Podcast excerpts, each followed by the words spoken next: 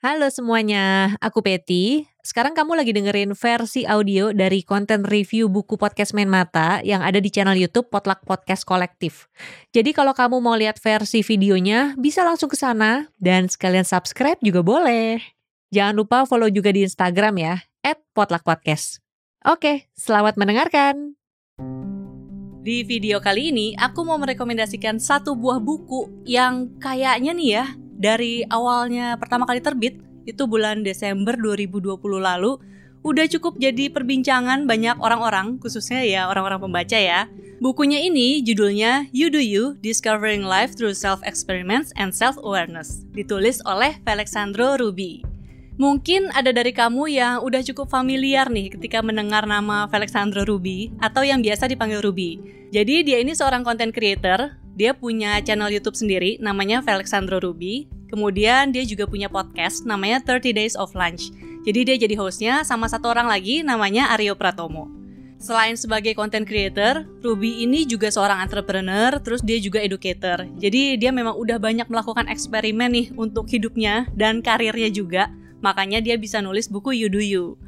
Kemudian kalau ngomongin buku You Do You ya, jadi di dalamnya itu ada 5 bab dan Ruby sendiri bilang kita nggak perlu baca secara berurutan, kita bisa mulai dari bab mana nih yang menurut kita paling sesuai nih dengan kebutuhan kita saat ini. Tapi kalau misalnya mau ngomongin secara runut, buku ini tuh dimulai dengan yang pertama bertemu dengan diri sendiri, terus yang kedua bertemu dengan ikigai, lalu designing your life, kemudian yang keempat itu designing your new net worth, dan yang kelima itu tentang principles. Nah, lewat buku You Do You ini, Ruby tuh mengajak kita untuk lebih mengenal diri kita sendiri. Jadi dia akan membahas kelebihan kita tuh apa, kemudian kekurangan kita apa, lalu karakter kita tuh seperti apa, dan kebiasaan-kebiasaan kita tuh bagaimana. Kemudian dari situ, maka kita bisa jadi nggak ikut-ikutan gitu dengan apa yang orang lain lakukan atau apa yang orang lain cita-citakan. Soalnya yang namanya perjalanan hidup setiap orang itu kan nggak ada yang 100% sama dan ya proses pembelajaran orang itu juga berbeda-beda. Jadi di buku ini nggak cuma ada teori-teori doang nih tentang pengenalan diri sendiri, tapi ada juga lembar kerja dan strategi dan cara-cara yang bisa kita praktekin untuk kita mengenal diri sendiri. Terus selain itu juga Ruby banyak memaparkan contoh-contoh kasus nih dari tokoh-tokoh atau public figure dan termasuk dari cerita Ruby sendiri. Kemudian menariknya juga nih, di buku ini tuh ada QR code di setiap akhir bab. Jadi kita bisa misalnya nih setelah selesai membaca satu bab, kita scan aja QR code-nya, kemudian kita akan dikasih link yang isinya itu referensi materi yang dibahas di bab itu. Lumayan, kamu nggak perlu repot-repot googling lagi, kamu udah bisa baca lebih lengkap tentang topik yang dibahas oleh Ruby.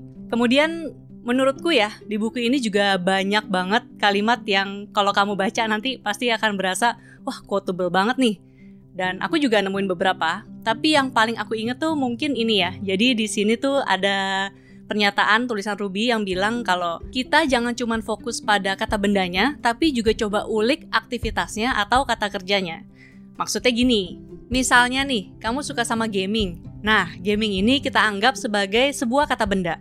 Kemudian di balik gaming itu sendiri sebenarnya ada banyak aktivitas yang bisa dilakukan dan yang ternyata mungkin itu yang kamu banget. Contohnya, dalam gaming ternyata kamu suka dengan kompetitifnya gitu ya. Mungkin berarti kamu cocoknya jadi atlet e-sport. Atau misalnya dalam gaming tuh kamu sukanya itu ngayal-ngayal buat gameplaynya.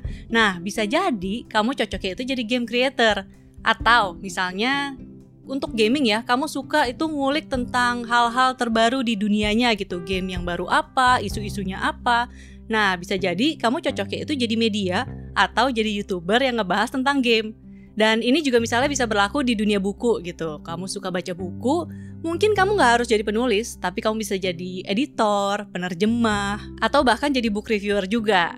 Nah, menurutku pokoknya buku You Do You ini enak buat dibaca, gaya penulisannya Ruby juga enak untuk dinikmati, kemudian di bukunya sendiri ini juga ada banyak grafis, kemudian ilustrasi, pokoknya warna-warni banget.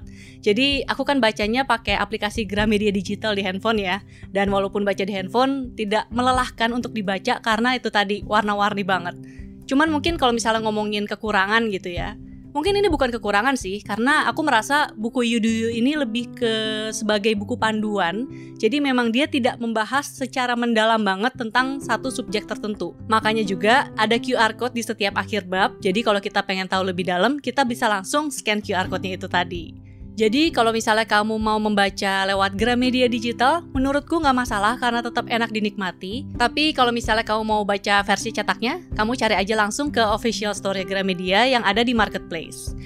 Itu tadi satu rekomendasi buku dariku. Terima kasih sudah menonton video ini. Kalau misalnya kamu suka dengan videonya, boleh di like. Kalau tidak suka, di dislike juga tidak apa-apa. Lalu kalau kamu merasa videonya berguna, boleh dong share video ini ke media sosial kamu. Siapa tahu teman-teman kamu yang suka baca buku juga mencari-cari nih rekomendasi buku.